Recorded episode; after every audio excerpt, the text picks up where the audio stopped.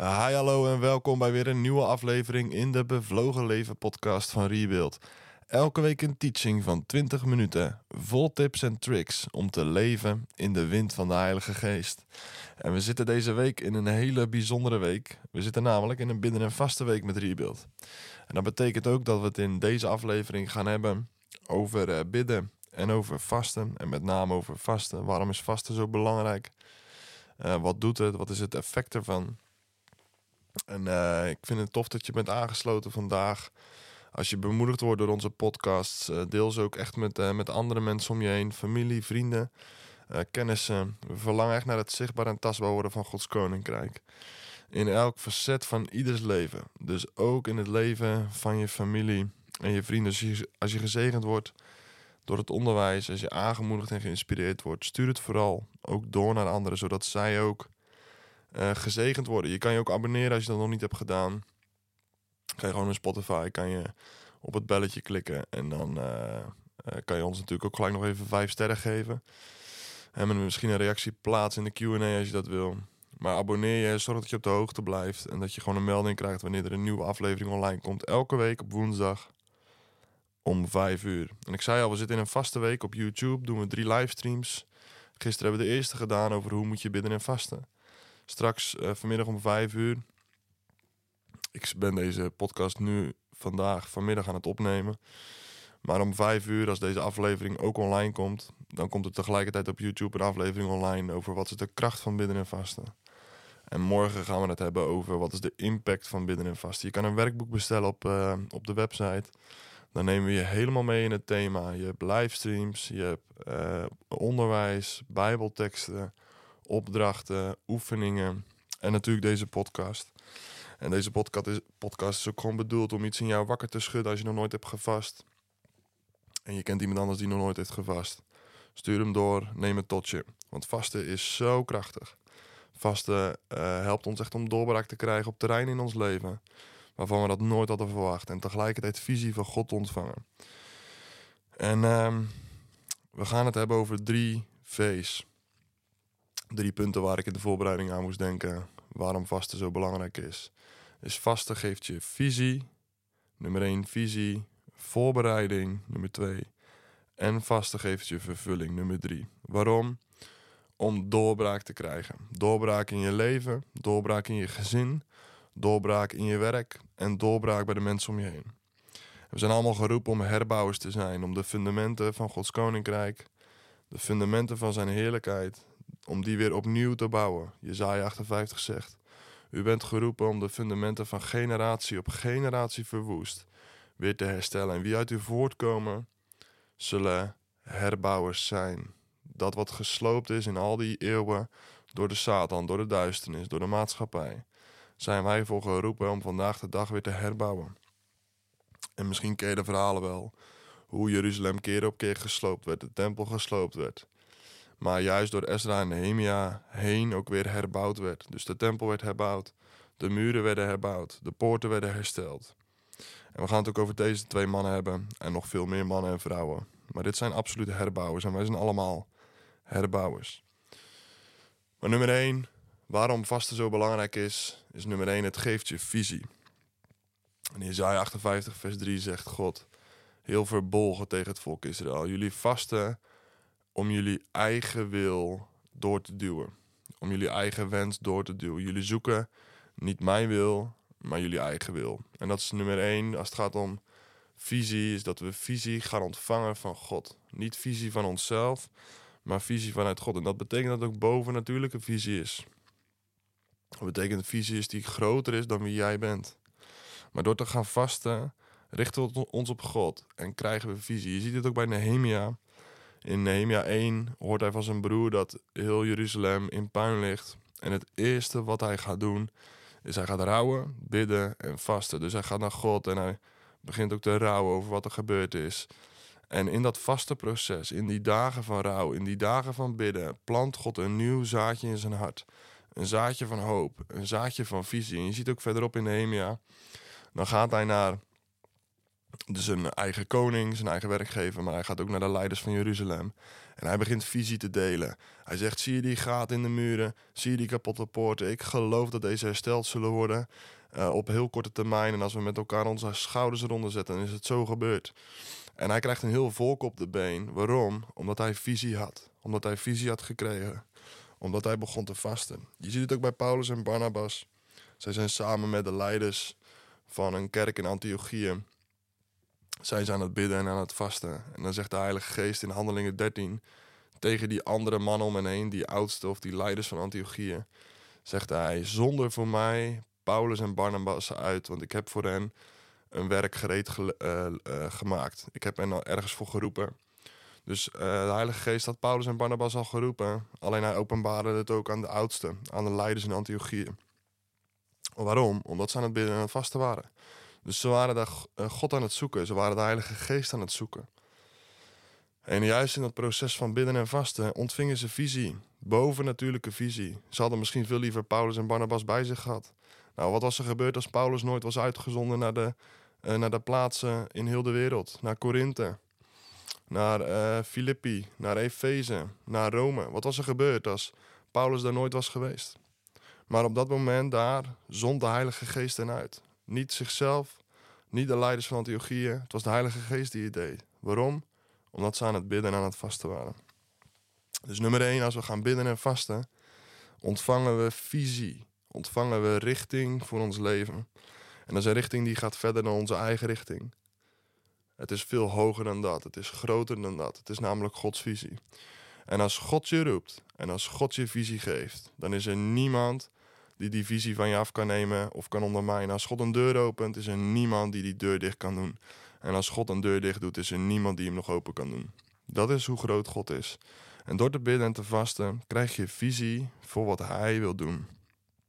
Niet mijn wil geschieden, maar uw wil geschieden. Dus doe net als Nehemia, doe net als Paulus en Barnabas.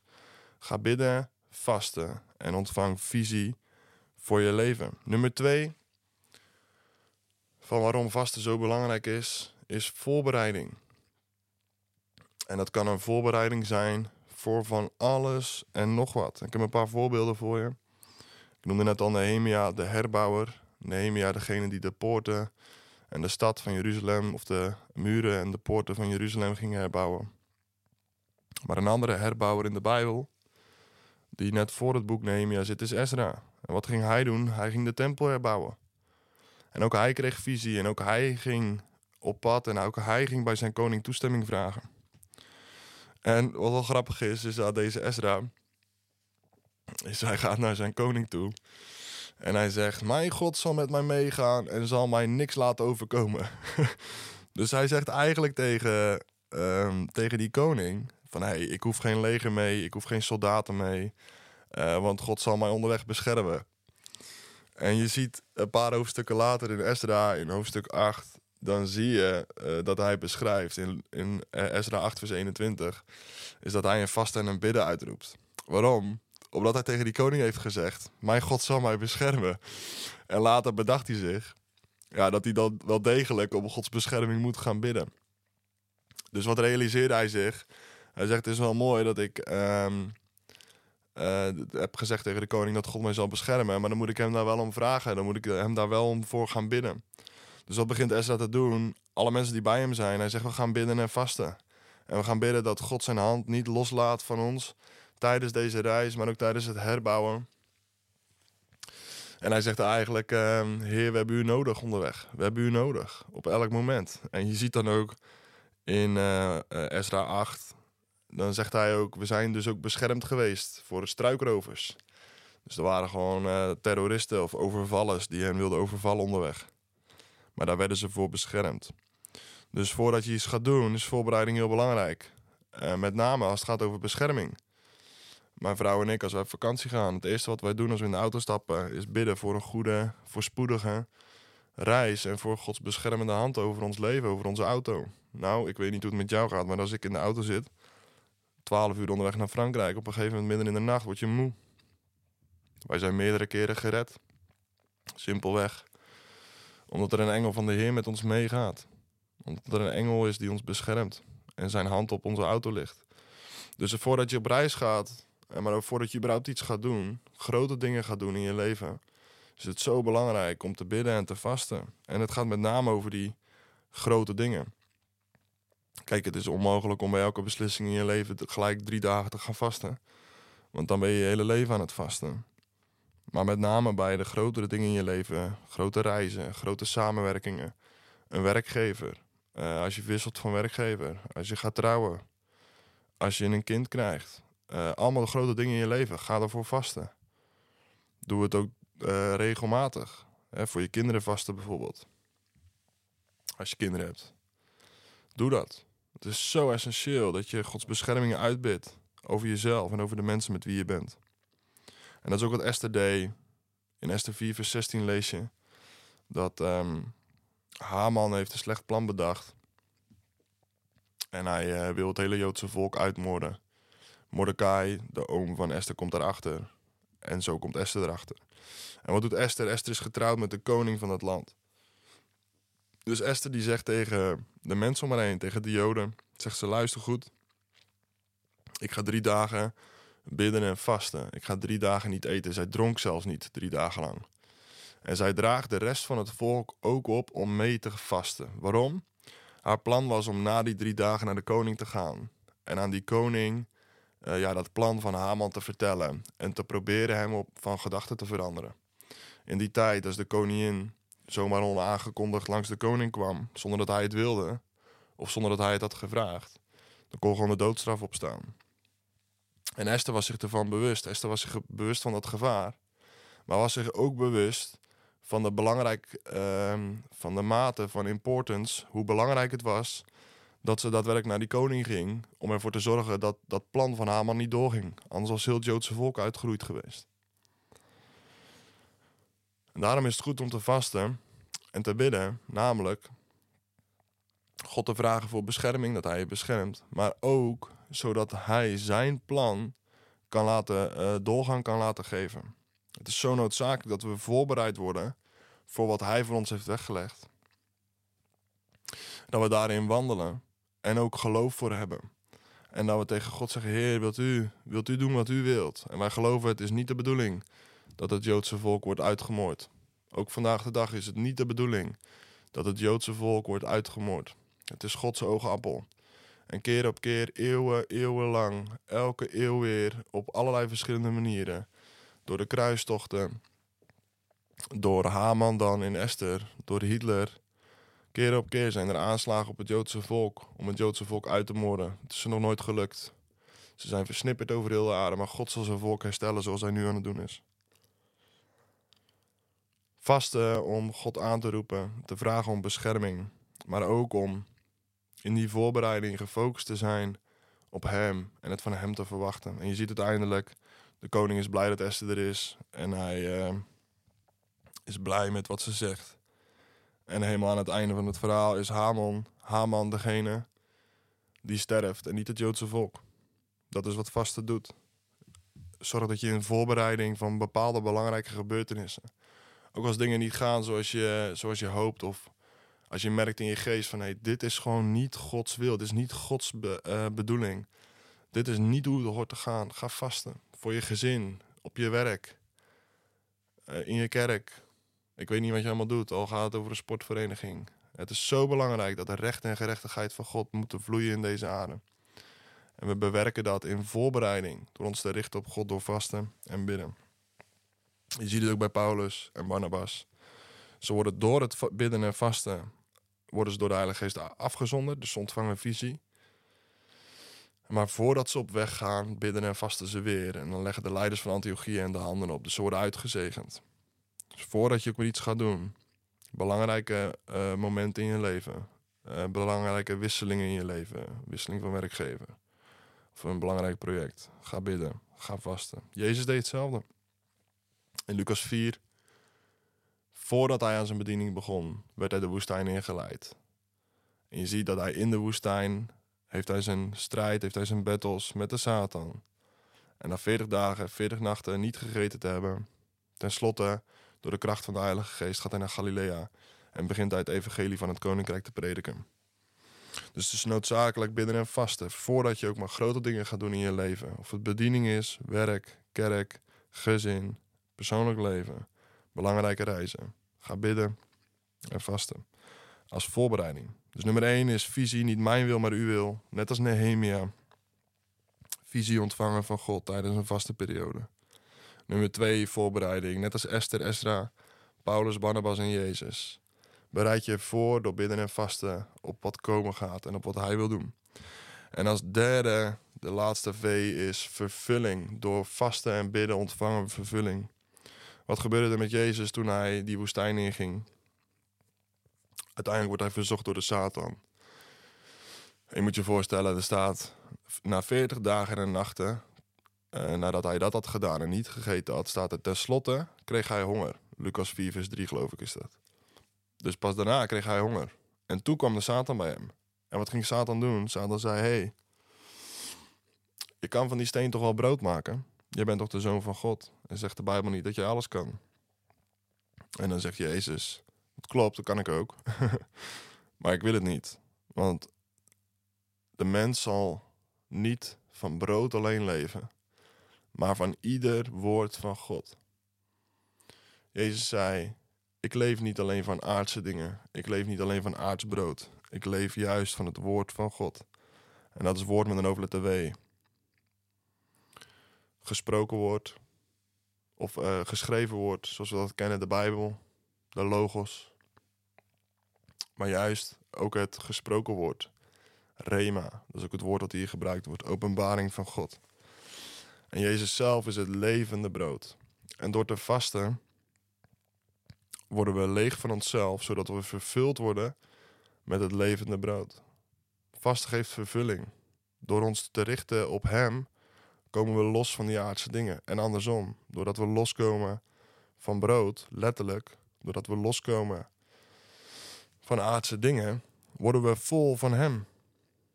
We worden vol van het levende brood. Jezus noemt zichzelf in Johannes 6: Ik ben het levende brood. Wie van mij eet, zal nooit meer honger hebben. Dus vasten geeft vervulling. En waar is dat nou voor nodig, die vervulling? Om doorbraak te krijgen. Want je hebt de kracht van de geest nodig. Lucas 4, vers 14 staat dat Jezus uiteindelijk door de kracht van de Heilige Geest wegtrok uit de woestijn. En je ziet dat hij in de woestijn heeft hij zijn strijd gehad. In de woestijn heeft hij die battle gehad met Satan. En buiten de woestijn, in het openbaar, door de kracht van de Heilige Geest begint hij het evangelie te prediken, te verkondigen en, en te demonstreren. Waar hij komt, worden demonen uitgedreven, worden mensen genezen. Dus het was noodzakelijk dat hij niet alleen vol was van de Heilige Geest, geleid werd door de Heilige Geest, maar ook gezalfd was met de kracht van de Heilige Geest. Want het eerste wat hij in Lucas 5 zegt, nadat hij door de kracht van de Geest weggegaan is, of in Lucas 4 is dat nog, ik ben de gezalfde. De Heere, Heer heeft mij gezalfd om het goede nieuws te brengen. Hij was gezalfd met de kracht van de Heilige Geest. En door te bidden en te vasten, groeien we in de kracht van de Heilige Geest. Raken we meer en meer vervuld. Niet alleen van het levende brood, maar ook van de kracht van de Heilige Geest. Zodat we ook daadwerkelijk dat evangelie kunnen prediken en demonstreren. Jezus zelf zegt tegen zijn discipelen in Handelingen 1: Jullie moeten wachten in Jeruzalem totdat de Heilige Geest over jullie komt. Dan zullen jullie kracht ontvangen om mijn getuige te zijn. Je kan geen getuige van Jezus zijn zonder kracht. Dat is onmogelijk.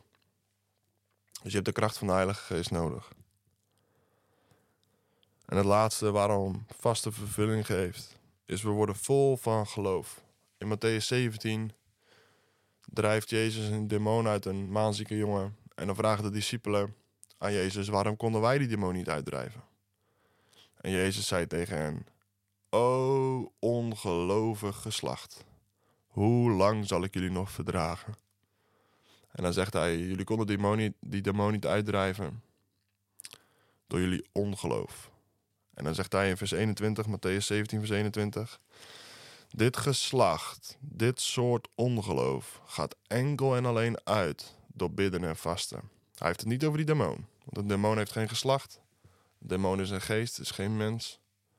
Hij heeft het daar heel duidelijk over een geslacht. En hij zegt: Het geslacht van ongeloof, dit soort ongeloof wat jullie hebben, dit geslacht gaat enkel en alleen uit door bidden en vasten. Dus alleen door te bidden en te vasten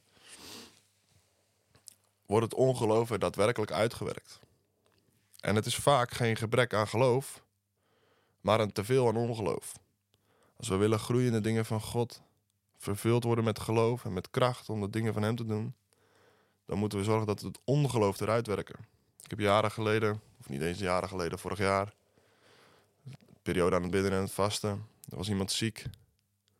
En ik heb eerst twee dagen lang ben ik blijven bidden en vasten voordat ik naar diegene toe ging. Waarom?